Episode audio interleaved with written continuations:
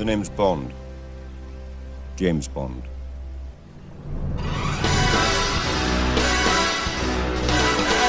Ja, men goddagens, goddagens gott folk och hjärtligt välkomna tillbaka till Filmfett Solo med mig, yours truly, Robin Andersson. Och det här är ju säsong två och det här är också en av de mest spännande avsnitten som jag har velat göra. Jag får se hur jag kommer eh, klara av detta. Jag ska ju prata om James Bond 007 och eh, tänkte berätta lite grann i förgrunden om hans bakgrundshistoria. Och sen så kommer jag hugga tag i filmerna en efter en. Och då pratar jag såklart om de riktiga filmerna, inte de här jävla wannabe knock-off James Bond-filmerna. Eller de här filmerna som utspelar sig utanför MGM uh, eh, Universe, alltså det traditionella James Bond-universumet.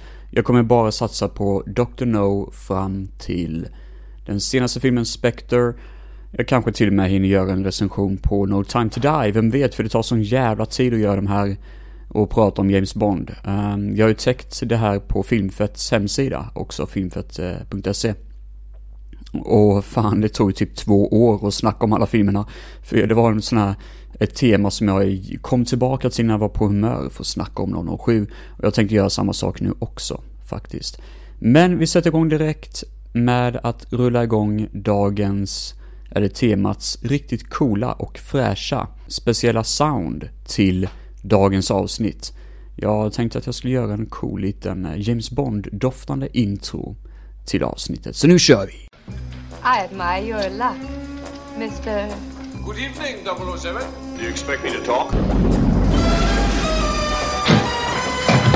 I never joke about my work, 007. Spectre, Special Executive for Counterintelligence terrorism, revenge, extortion. Names is for tombstones, baby. Don't take this monkey out and waste it now. The name's Bond. James Bond. Nu kör vi igång med James Bond. Det här är den största filmfranchise-kontinuiteten som någonsin har gjorts. Från 60-talet till 20-talet. Och nu är jag ju jävligt dålig på matte, men jag får det till att bli 60 år. Uh, stämmer det? Jag har fan ingen aning, men det, det, känns som att det borde vara 60 år. Det är jävligt länge i alla fall. Det är ganska sjukt faktiskt. Den här franchisen har varit nästan lika länge som min pappa faktiskt. Han är 60, han är snart 70 tror jag. Det är ganska sjukt ändå faktiskt hur saker och ting eh, har pågått så jävla länge. Helt sick. 1953 skapades han av Ian Fleming. Och han kom på det här när han skulle göra eh, böckerna om James Bond. För han träffade på en hel del personer under andra världskriget som hade ganska många intressanta historier att berätta. Så det löser baserat på dessa karaktärerna som han träffade på, helt enkelt. Så han eh, skapar då 007, eh, som är då eh, själva agentnumret som James Bond har under sina uppdrag. Men hans riktiga namn är ju James Bond. Och han jobbar för organisationen MI6 i Storbritannien. Och i bokvärlden så dog James Bond i boken From Russia with Love. Men eftersom att filmerna blev så gigantiska så togs han tillbaka i bokvärlden.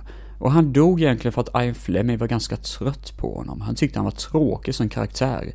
Så han dog faktiskt, det är ganska sjukt. Ehm, ganska speciellt så det genomfördes egentligen. Så blev det inte såklart när han eh, fick liv igen i franchisen. Eh, namnet James Bond, eller namnet Bond, kommer från en fågelskådare med samma namn. Han hade gjort en bok om fågelskådning och Ian Fleming tyckte namnet lät så jävla tråkigt och träigt så han sa att det där är ett namn som min karaktär måste ha, James Bond. Fy fan vad torrt. Så det är faktiskt ganska kul att han gjorde det som en eh, reflektion på det, för han tyckte att han ville skapa en karaktär som är jävligt tråkig att James Bond skulle vara trist som fan, men att saker runt omkring honom skulle vara väldigt exotiskt och intressant och häftigt. Så att vi såg saker genom en karaktärs ögon som är jävligt tråkiga, helt enkelt. Eh, Casino Royale var första boken som kom ut där och det var väl 1953. Måste det vara då. Och det kom en tv-film baserad på den boken 1954. En en timme lång specialare där Le Chiffre spelas av Peter Lore. Och det är kanske inte alla som vet vem Peter Lore är, men eh, han eh, medverkade i en av mina favoritfilmer som heter M. Och jag är nästan helt 100% eh, säker på att den kommer ju säkert pratas om i film för ett Solo någon gång i framtiden. För det är ingen film som jag kommer undvika att snacka om när tillfället ges. Men Peter Lorre är en tysk skådespelare tror jag, som blev väldigt känd i USA sen efteråt. Han var väl en av de stora pionjärerna till att bli känd Eh, i USA sen efter, eh, från sitt hemland då. 1958 så kom radioprogrammet Moonraker i Sydafrika. Och det har även spelats runt omkring i radio i Storbritannien baserat på fem olika böcker från James Bond. 1957 kom serietidningar om Bond. Och under 80-talet så gjorde Marvel Comics några serietidningsadaptioner från filmerna. Så de köpte rättigheterna till James Bond ett tag. Eon Production Films köpte rättigheterna till um, karaktären James Bond då. Och detta företaget ägdes av Kanadas Harry Saltzman och eh, USAs Albert Cubby Broccoli. Så de jobbade tillsammans och eh, köpte rättigheterna till James Bond. Det finns två icke-offentliga 007-filmer, de kommer jag inte täcka. Som sagt var, Casino Royale från 1967, som är som en parodi på 007, och den där jag vet att den ska vara ganska dålig. Jag har inte sett den själv. Never Say Never Again, som är typ som en remake på Thunderball, Åskbollen. Jag får se om jag hinner snacka om Åskbollen i dagens rafflande avsnitt. Vi får se hur långt vi kommer, helt enkelt. Men Never Say Never Again har jag faktiskt sett. Men jag kommer inte ihåg så mycket av den, ärligt talat. Det finns även några spel baserade på James Bond och vem vet, jag kanske hinner dra igång med några spel här. Det vet jag faktiskt inte. Vi får se hur saker och ting utvecklas i detta ädla tema.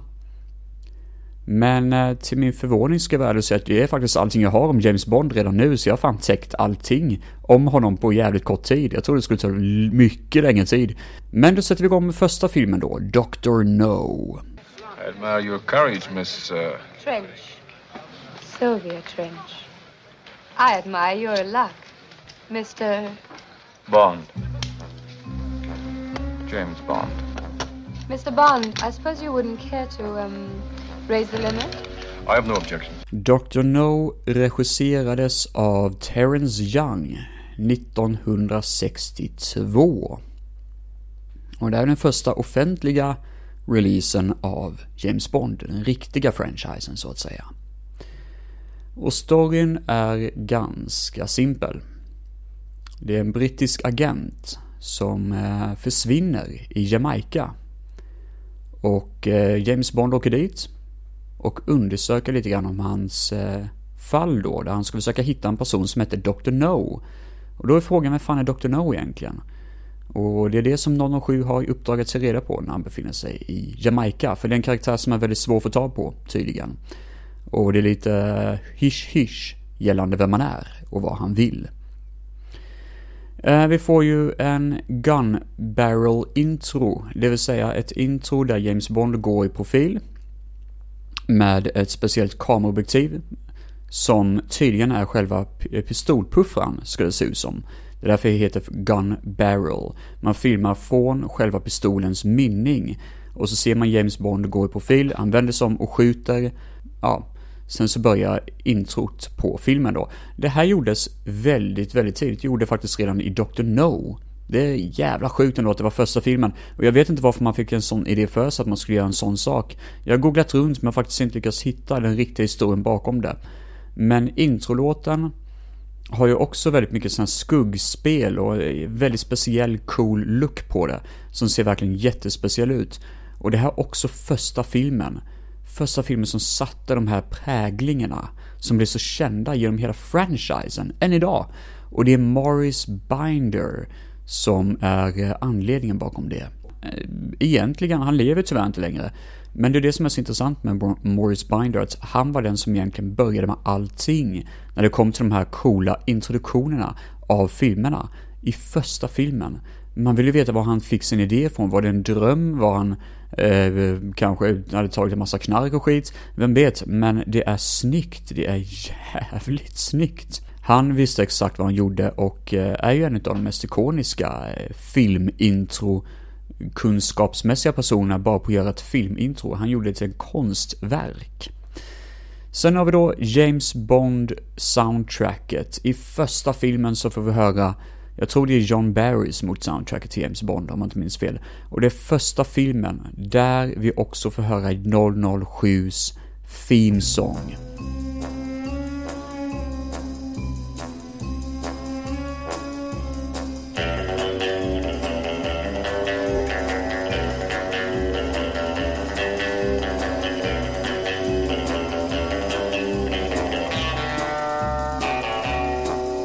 helt jävla sanslöst sjukt egentligen. Man tänker att sånt som är så ikoniskt borde kanske komma i andra eller kanske tredje filmen. Men nej, det kom i första filmen. Det är ju helt vansinnigt. James Bond-musiken är en av de mest välkända musik-soundtracks ever.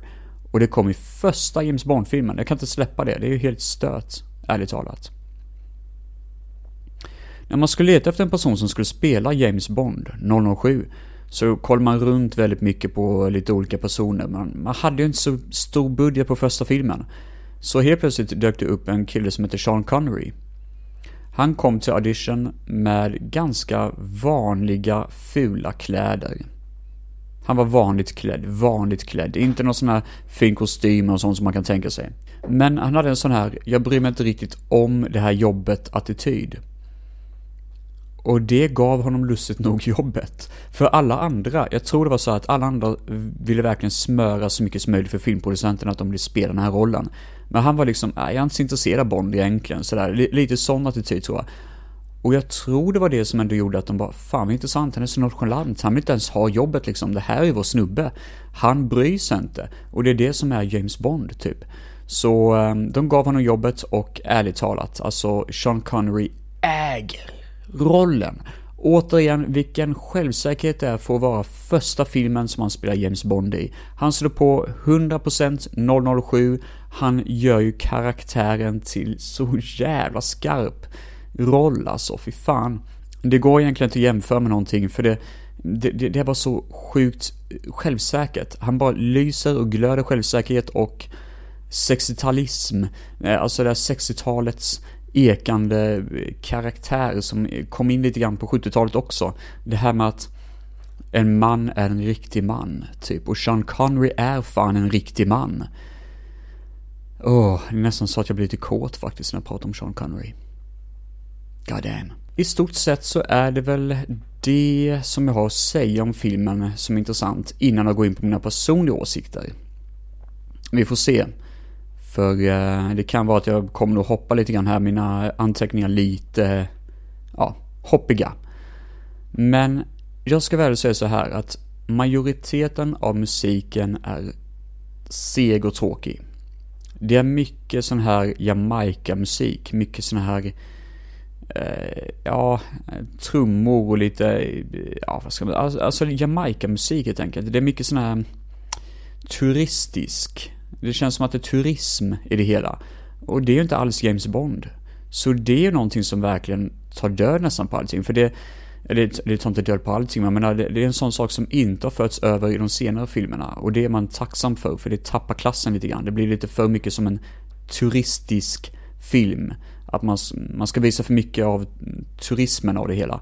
Fan, hur många gånger har jag sagt turism nu? Alltså, jag måste fan köta hål på er. Den är dock visuellt snygg många gånger. Eh, vi får bland annat se en kvinna som heter Honey Rider i en scen hon kliver upp ur ehm, eh, havet, eller ur vattnet, och plockar snäckskal. Och det är ju riktigt coolt att kolla på. Det lustiga dock att hon gör ju verkligen ingenting i den här filmen. Hon är bara en person på en paradisö som plockar snäckor, råkar springa på James Bond och dras in i äventyret. Och man tänker hela tiden, vad, vad gör hon här egentligen? Uh, jag menar, det är en klassisk, ikonisk karaktär i, för det här med, alltså det, det är den första kvinnliga karaktären som dyker upp i en James Bond-film. Som verkligen är the main Bond girl. Men hon gör ju verkligen ingenting för storyn.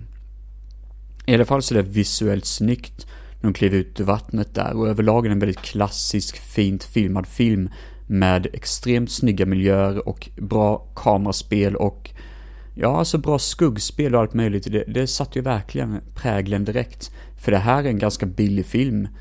Och den skulle mycket väl kunna vara riktigt B, ärligt talat. Sen är ju storyn oerhört seg och oerhört tråkig. För idag, om man ser Dr. No, så kunde man säga nästan att det känns som att någon gör en wannabe James Bond-film. Mest är det för att storyn är så otroligt svag. Det är ju verkligen att han bara ska leta efter en agent som har undersökt en person som har försvunnit. Och det är typ allting han gör i hela filmen. Det finns en ganska cool scen när en lönnmördare går in och ska försöka skjuta James Bond. James Bond ligger då i en säng, tror han. Så han går in, skjuter, pang, pang, pang, pang, pang. Men det är kuddar som ligger i sängen. Det gamla klassiska underlakanet då, det gamla klassiska eh, tricket. Då vänder han sig om och där sitter James Bond helt kolugnt. De snackar lite grann, han pratar lite grann med honom, han vill veta vad Dr. No är, bla bla bla.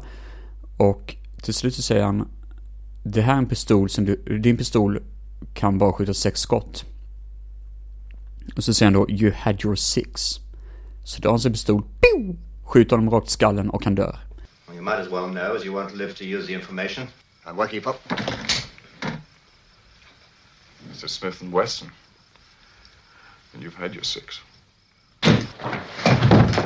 Och det är en sån här klassisk James Bond moment. Det är fan, ja, det, det är så eh, hårt, professionellt, kallt och iskallt, blodigt avrättande trots att han vet att han egentligen har överhanden. Så vet han att han måste döda snubben typ. Och han gör det på det bästa möjliga sättet. Det är klass till 100%. Sen då så har vi ju titelkaraktären Dr. No. Man tänker väldigt mycket på vem är Dr. No?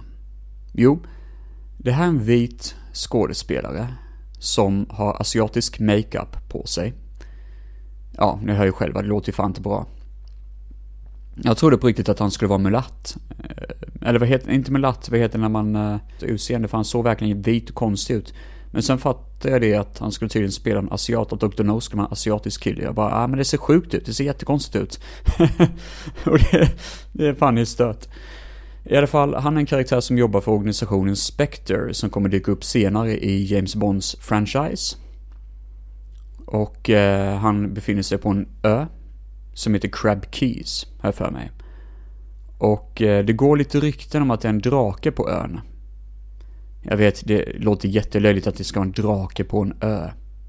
Eller på den här, eh, på Crab Keys då. Men eh, grejen är faktiskt det att det är en bil som är målad som ett eh, monster, typ. Som kör runt och sprutar eld. Det är jättelöjligt faktiskt. I alla fall, Dr. No är där för han har en ond plan om kärnvapen eller whatever. Och han jobbar då för den onda eh, organisationen Spectre. Han dyker ut de sista tio minuterna, tror jag.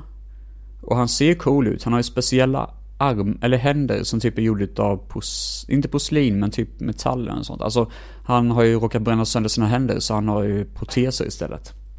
Det gillar man ju, det är coolt. Och han ser verkligen speciell ut, väldigt klassiskt klädd klädstil, väldigt vit och cool klädstil. Men karaktären gör ju verkligen inte mycket alls. Helt plötsligt så dör han och filmen är slut typ. Och man tänker, ja, filmen ska heta Dr. No och vi får se de sista tio minuterna och det är segt. Missiles are only the first step to prove our power. Our power? With your disregard for human life, you must be working for the East. East, west, just points of the compass, each as stupid as the other. I'm a member of Spectre.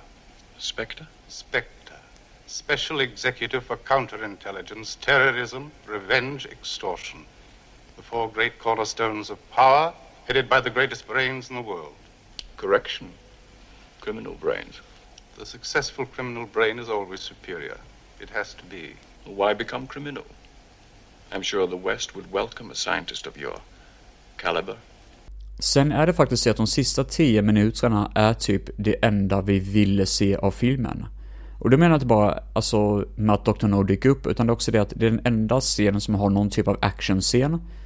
Vi har visst, visst, vi har någon biljakt, men det ser för jävligt ut och vi har någon kung fu-scen typ som dyker upp, men det, det är mycket build-up till det här slutet som man ville se för väldigt, väldigt länge sedan. När den kom ut så hade den en ganska dålig respons av kritiker.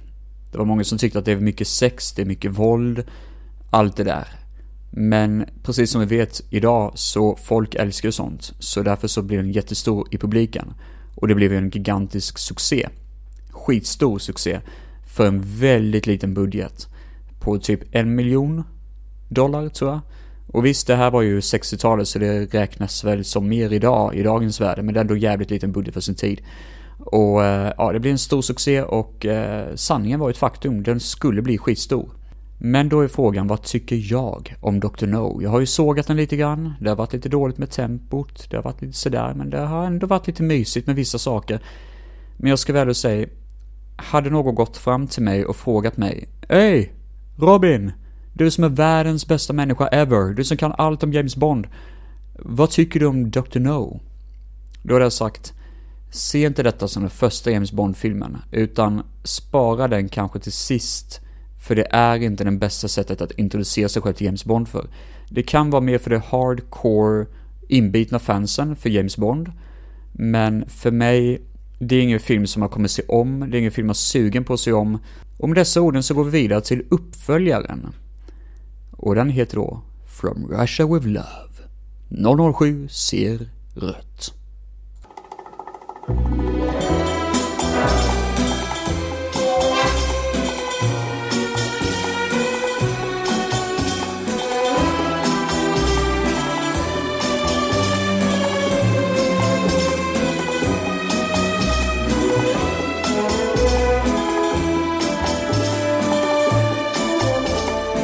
From Russia with Love råkar vara John F Kennedys favoritbok. Och i den här James Bond-grejen med Dr. No, när det här dök upp att det här skulle vara hans favoritbok, så blir det oj, oj, oj, den här filmen måste vi göra en... Eh, eller den här boken måste vi göra en film på. Så den har två miljoner i budget, dubbla budget från vad den hade innan. I intäkter fick den, det här är helt sjukt, det här måste vara dollar misstänker jag by the way. Ni, nej, 79 miljoner i intäkter. Det är fan saftigt. Det är jävligt saftigt. Terrence Young kommer tillbaka efter Dr. No och den här filmen gjordes då, From Russia With Love gjordes 1963. Storyn är så här att den onda organisationen Spectre vill hämnas på James Bond för att Dr. No blev ihjälskjuten, eller dödad. Så de vill lura eh, James Bond, eller Storbritannien, att stjäla en krypteringsmaskin från Istanbul. Och jag tror den ska typ kryptera meddelanden och sånt, jag vet inte riktigt. Men de ska försöka arrangera så att det ser ut som att Storbritannien och eh, Ryssland har ett krig mot varandra typ. Alltså de ska försöka få det att se ut som att det här kriget börjar typ. För de vill att båda stormakterna ska slå ut varandra och när båda är nästan i stort sett utslutna så ska Spectre springa in och ta över hela världen. Hur det ska funka rent teoretiskt sett det vet jag inte men det är ganska halvintressant i det faktiskt, det är den då. Ehm, det här är den första James Bond-filmen som hade någon typ av introduktionsscen som ändå är relevant till storyn men ändå sätter lite grann känslan av det hela innan eh, intromusiken kickar igång. Och i introscenen får vi se en man som springer runt i en labyrint utanför en herrgård. Och det är James Bond, det är Sean Connery. Men helt plötsligt så blir han mördad av en mördare. Som senare dyker upp i filmen då, som heter Red Grant. Han tar bort masken från Sean Connery, för det visar sig att det är inte riktigt Sean Connery, det är en man med mask på sig. Som skulle, som skulle se ut som 007 då. Det är en ganska kort scen. Den är ganska bra på att sätta känslan av att oh oh, nu är det dags för någon typ av hämndaktion mot 007. Hur ska han klara av det här? Det är en cool scen men den är väldigt kort. Det känns ju som att den är en minut. Men varför ska hans offra på sig Sean Connerys mask?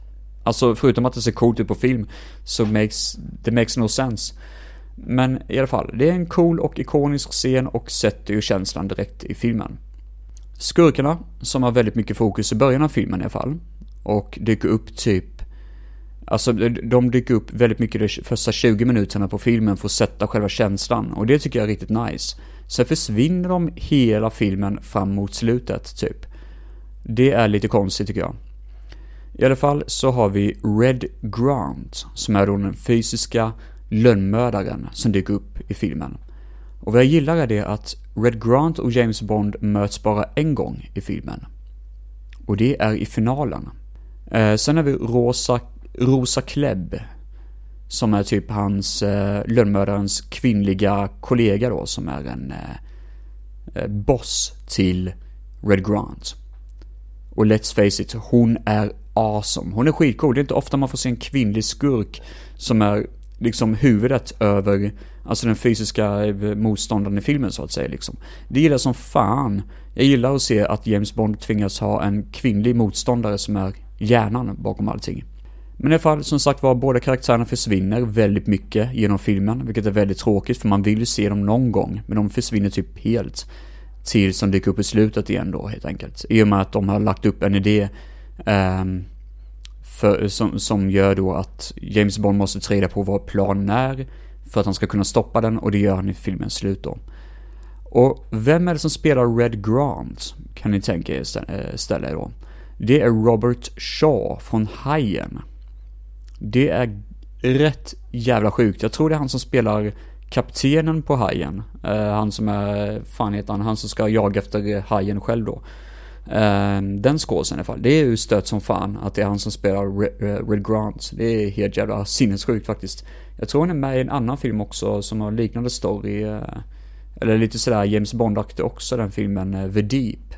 Jag har för mig han var med i den. Och det är en fantastiskt bra film som jag eh, tycker definitivt ni borde spana in. En undervattensthriller. den riktiga hotet i filmen, eller den som kommer bli hotet senare i franchisen, är Ernst Stavro Blofeld. Men i den här filmen så kallas han bara för Number One och syns lite halvt dovt i lite dolda situationer. Så han är som ett osynligt hot genom hela den här filmen och i nästkommande filmer kan man väl säga. I och med att Spectre är som ett ont hot som vi inte vet mycket om förrän i senare filmer då. Så här får vi inte se vem han är, men han dyker upp lite halvt eh, dovt, när han typ dolt. De döljer dem väldigt mycket när han pratar med skurkarna då. När Bond åker till Istanbul så springer han på en karaktär som heter Karim. Och Karim är en jätteskön sidekick för James Bond genom hela filmen. Han hjälper honom typ och guidar honom genom hur Istanbul ser ut och genom de politiska problemen som dyker upp här då. Och han är en jättebra karaktär faktiskt. Eh, jag har för mig det var skådespelarens sista roll också, om jag inte minns fel, att han var typ döende i cancer och sånt. Så det är tragiskt faktiskt, men jag tycker om honom, han är skön. Sen har vi då Q, som vi får se, som brukar ge James Bond hans eh, gadgets. Han eh, dyker upp för första gången, han ger någon sak till James Bond, jag kommer inte ihåg vad det var för någonting. Jag har för mig det var en väska eller något. Sen är det inte så mycket mer. Men det är för, eh, första filmen han dyker upp i alla fall i James Bond-franchisen. Första av många. Och Moneypenny dyker upp också som är då en eh, karaktär på kontoret som brukar eh, ja, ha en liten fling med James Bond. I ärlighetens namn har jag aldrig riktigt tyckt om henne sådär jättemycket. James Bond kommer till ett hotell. Checkar in på hotellet, vandrar runt i hotellet i filmen. Och då har man 007s filmsång. Han gör verkligen ingenting. Han checkar in på ett hotell, det är allting han gör och man har en jättespännande 007 filmsång med liksom Han bara vandrar runt, man bara vad fan, jaha, okej okay, det här är ju spännande liksom. Uh, han kollar på så, han kollar runt rummet så att det inte är någon sån här övervakningskamera och sånt. Man bara vad fan är detta liksom, det är jättekonstigt. Så de har verkligen överanvänt 007 soundtracket jättemycket i den här filmen. Helt utan logik. Och det är ju någonting som eh, man ifrågasätter väldigt mycket. Jag ifrågasätter det väldigt mycket i alla fall. Det är faktiskt en väldigt mysig, eh, liksom locations och sånt. Det är kul att se Istanbul, det är väldigt fina miljöer och det är väldigt mysig eh, stad så liksom. Eh, vi får se ett underjordiskt vattenreservoar och sånt och det är snyggt alltså, riktigt fint är det. Och eh, sen dyker det upp en 007-låt som är väldigt synonym från Connerys era av hans filmer. Eh, jag kan spela upp en liten trudelutt här om jag hittar den.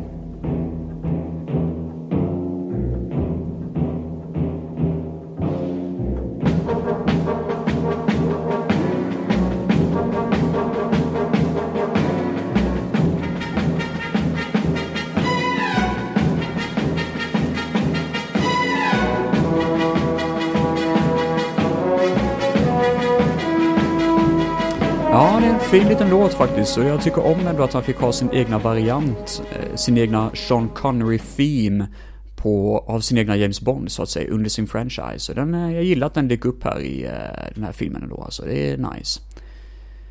Det dyker upp en scen i filmen då vi har två kvinnor som slåss mot varandra och de gör det för kärlek. Det har ingenting med storyn att göra överhuvudtaget. Det är väldigt malplacerat inkastat i filmen, helt utan logik och det känns väldigt off. Eh, överlag så känner jag när jag ser det här, vad i helvete ser vi det här för? Och det är väldigt 60-talsaktigt. Det är nästan som när en film ska ha en, ett musikalnummer bara för att, typ. Och det bara drar ut på filmen och känns som att det inte åldrats så bra. Och den här scenen är, nej, jag, jag tycker inte om den faktiskt. Det känns jättekonstigt. Sen, som är riktigt nice, vad jag tycker om med den här filmen, är att i en scen mot slutet så dyker det upp en final på tåg.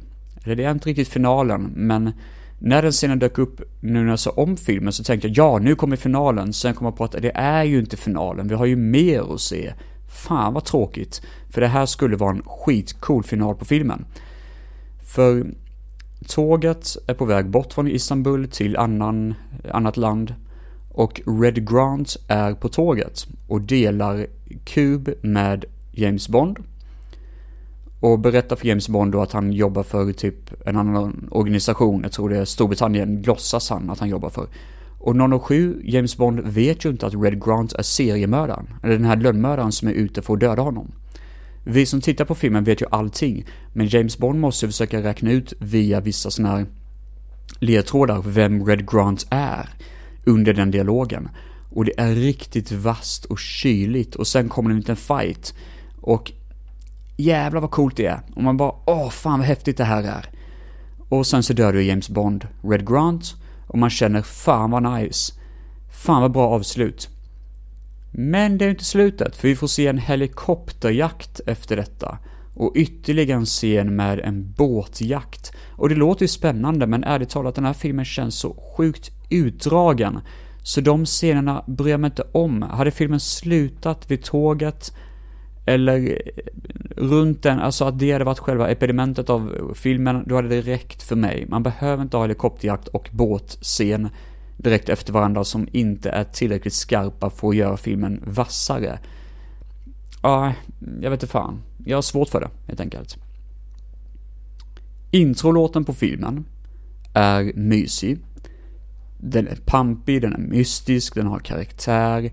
Det är ingen riktig sång, men det är ändå det här liksom, ja, klassaktiga. Man får lite sådär, mm, goda vibbar när man ser den scenen faktiskt. Det är, det är god musik, kan jag säga.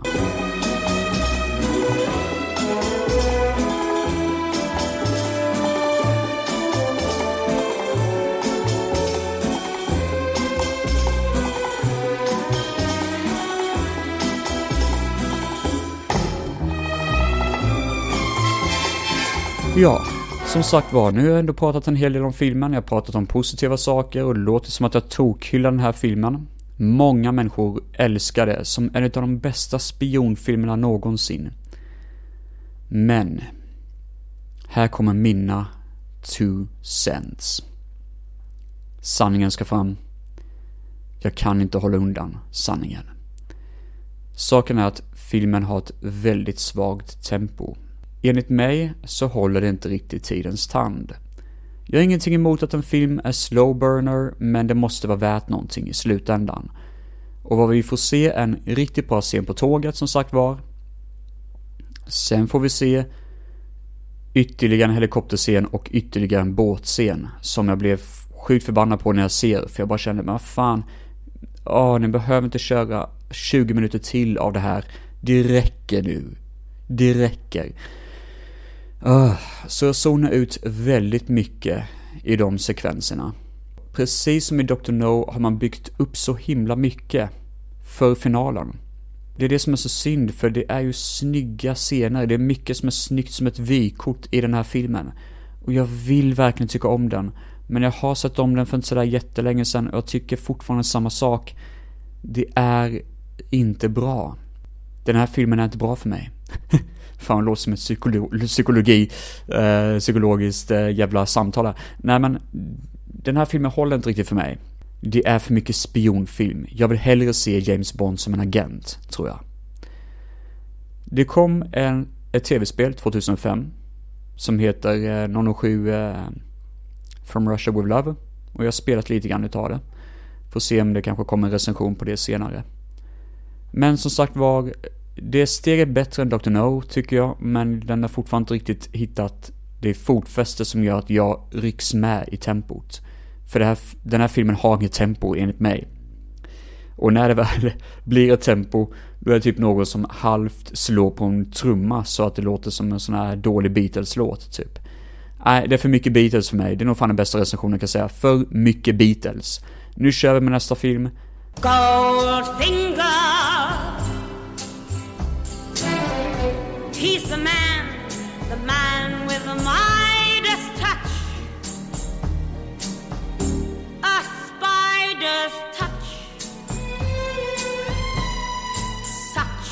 A cold finger. Ja, mina damer och herrar, nu är vi framme vid guldfingret itself.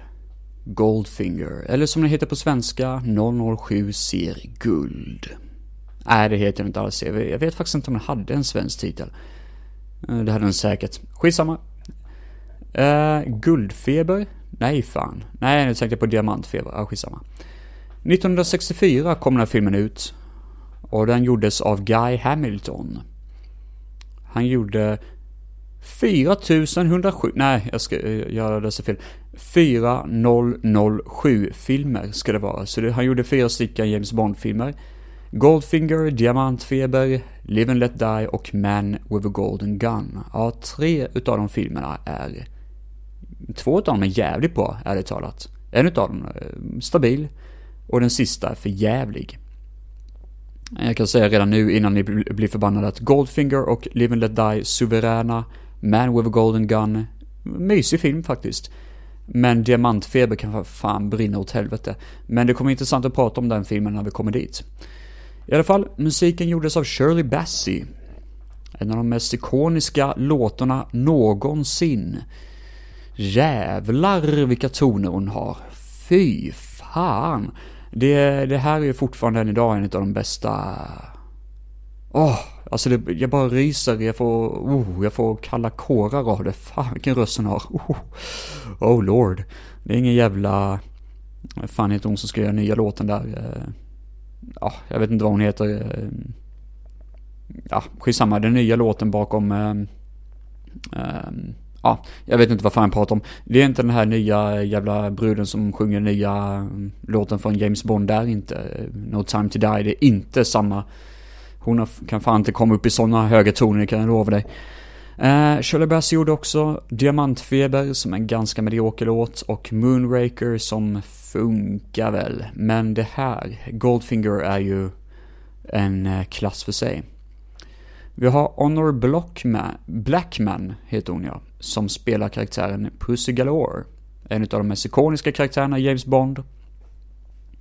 Jag kan väl säga direkt att hon är en, ehm, vad ska man säga, hon var väl en eh, pilot tror jag, som körde runt i något sånt här pilotplan, typ någon sån här flygplan. Eh, för en speciell cirkus eller något sånt var det nog. En Sån här pilotcirkus typ, eller sån här flygcirkus. Ja, hon är en cool karaktär. Man vet inte riktigt vad man har henne. Plus hennes namn, Pussy Galore, hjälper ju såklart. För, ja. Eh, Pussy. Jet Fröb. Spelar rollen Ark Goldfinger.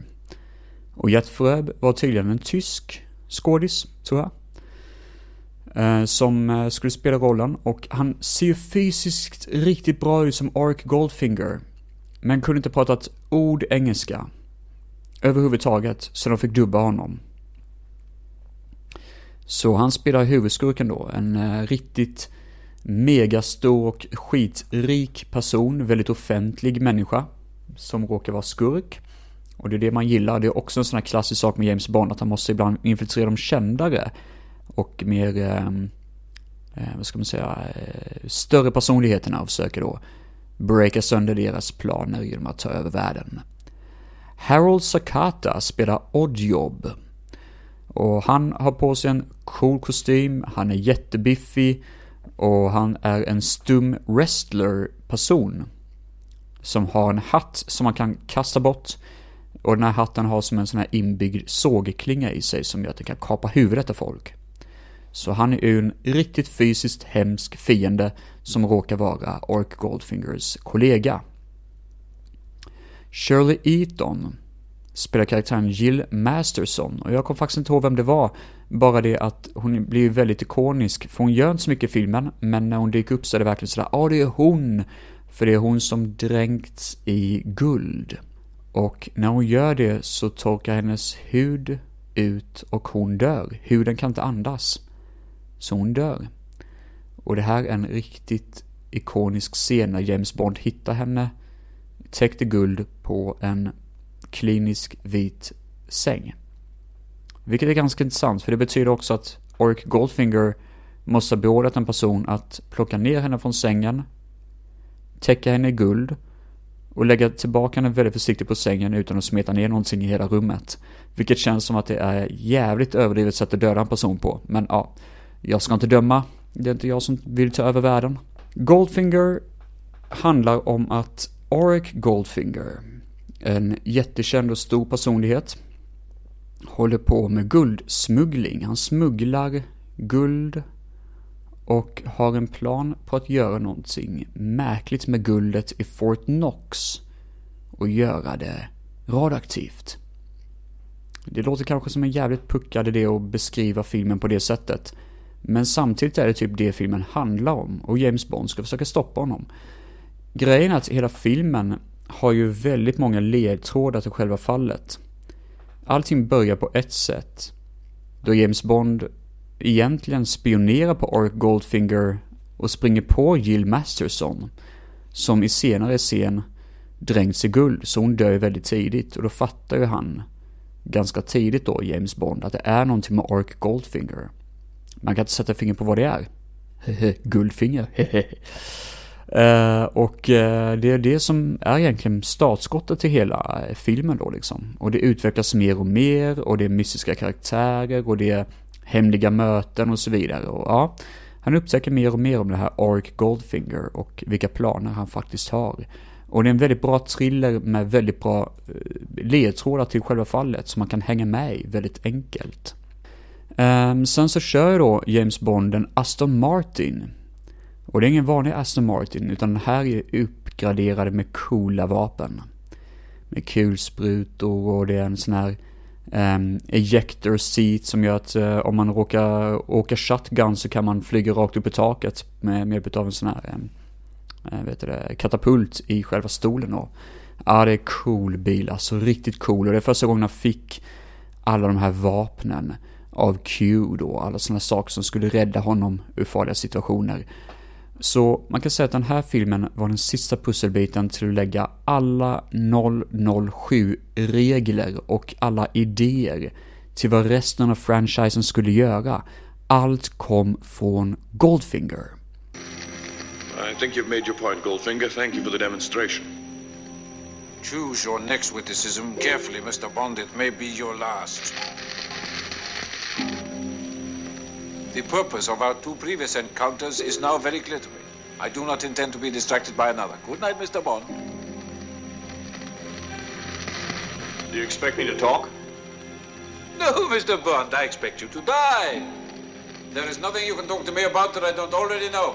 Men visst, det behöver inte betyda att det här var den första James Bond-filmen egentligen, men det var den första som hade alla regler som tidigare filmer hade, plus nästa, alltså skapade sina egna regler till framtiden också. Och alla följer samma mall nu. Alla följer Goldfinger. Så det är kul som fan. Denna eh, filmen hade bara tydligen 3 miljoner budget. Dollar måste det vara då. Och fick 125 miljoner dollar i intäkter. Och detta var 1964 som sagt var. Fan vad sjukt. Roger Ebert, den kända filmrecensenten, påstår att detta är hans favorit James Bond. Och det förstår man varför hans favoritfilm i franchisen. Den vann en Oscar för bästa ljudredigering. Och eh, enligt Guinness World Records så var det den filmen som fick Fastest Grossing Film of All Time för den tiden, såklart. Vilket är eh, sanslöst. Den fick så sjukt mycket pengar för sin tid. Det är otroligt snyggt foto och jävligt vackra miljöer i den här filmen. Och det räknas som en av de bästa 007-filmerna enligt fansen. Men vad tycker jag då? Jo, i ärlighetens namn håller jag med. Detta är en av de bästa 007-filmer som finns.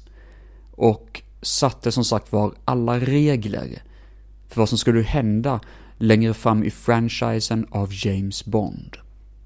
Det är en bedrift som väldigt få filmer har gjort och eh, beundransvärt, magiskt på ren svenska. Så Goldfinger är enligt mig en av de absolut bästa James Bond-filmerna någonsin. Och ja, det finns inte mycket mer att säga om det. Det är garanterat en film som ni verkligen borde spana in. Finalen är otroligt spännande och har verkligen byggts upp på ett sånt bra sätt så att man får verkligen det man vill få i finalen. Ja, jag märker nu att vi ligger ganska långt in på dagens avsnitt och eh, jag har en hel del att säga om nästkommande film, Thunderball. Så jag känner faktiskt att jag kommer sätta stopp här och nu för James Bond-temat denna gång och kommer återvända, eh, kanske inte nästa vecka, vi får se lite grann hur det blir beroende på vilket humör jag är på. Men jag kommer i fall återvända såklart och prata om nästkommande film. Och eh, då får vi se hur många filmer vi hinner tugga tag i då. Men eh, som sagt var, utav dessa tre filmerna så tycker jag utan tvekan att de har växt, blivit bättre, från Dr. No till From Russia With Love till Goldfinger. Dr. No som är ganska seg och enligt också fansen erkänns kanske inte vara den bästa filmen i franchisen. Till um, From Russia With Love som enligt mig fortfarande är ganska seg men enligt fansen är den bästa. Till Goldfinger som faktiskt enligt mig är suverän, helt klockren och lyckas med allting och är precis det jag vill ha. Så det har verkligen byggts upp som en trappa. Och då kan man fråga sig frågan, kommer Thunderball fortsätta med det här eller kommer det falla pladask? Och det får ni lyssna på i nästa avsnitt av Filmfett Solo när jag snackar om den kända agenten i svart kostym. Glöm inte att följa oss på Instagram, Filmfett heter vi där. Vi har ju även Facebook, Filmfett, samt hemsidan filmfett.se. Där vi lägger ut lite recensioner när det hinns med. Eller vi och vi, det är jag som driver allting nu för tiden. Men det kan ju vara någon som kanske hjälper till lite grann där. Vi får se vad som händer helt enkelt. Och eh, fortsätt lyssna på oss. Och, eh, eller på mig, rättare sagt. Jag som är psykopat, fortsätt lyssna på oss. Fan, det är bara jag som sköter allting här ju. Men eh, ha det bäst allihopa. Ta hand om er. Hejdå.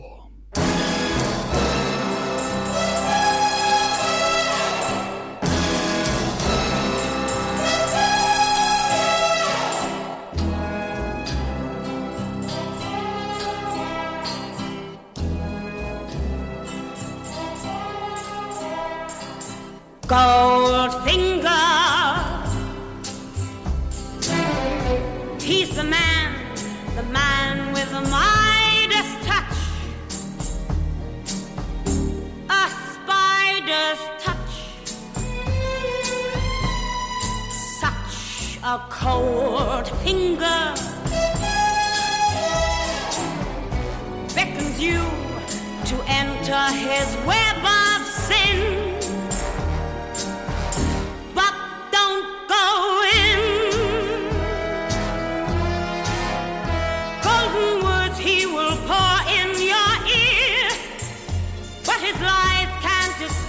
what you feel for a golden girl knows when he's kissed her it's the kiss of death from Mr. Goldfinger pretty girl beware of this heart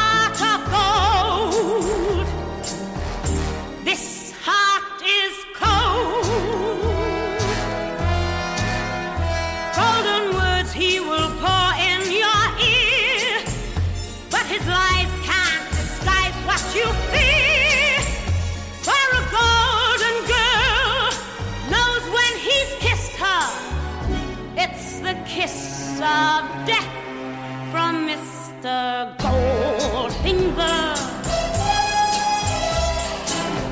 Pretty girl, beware of this high.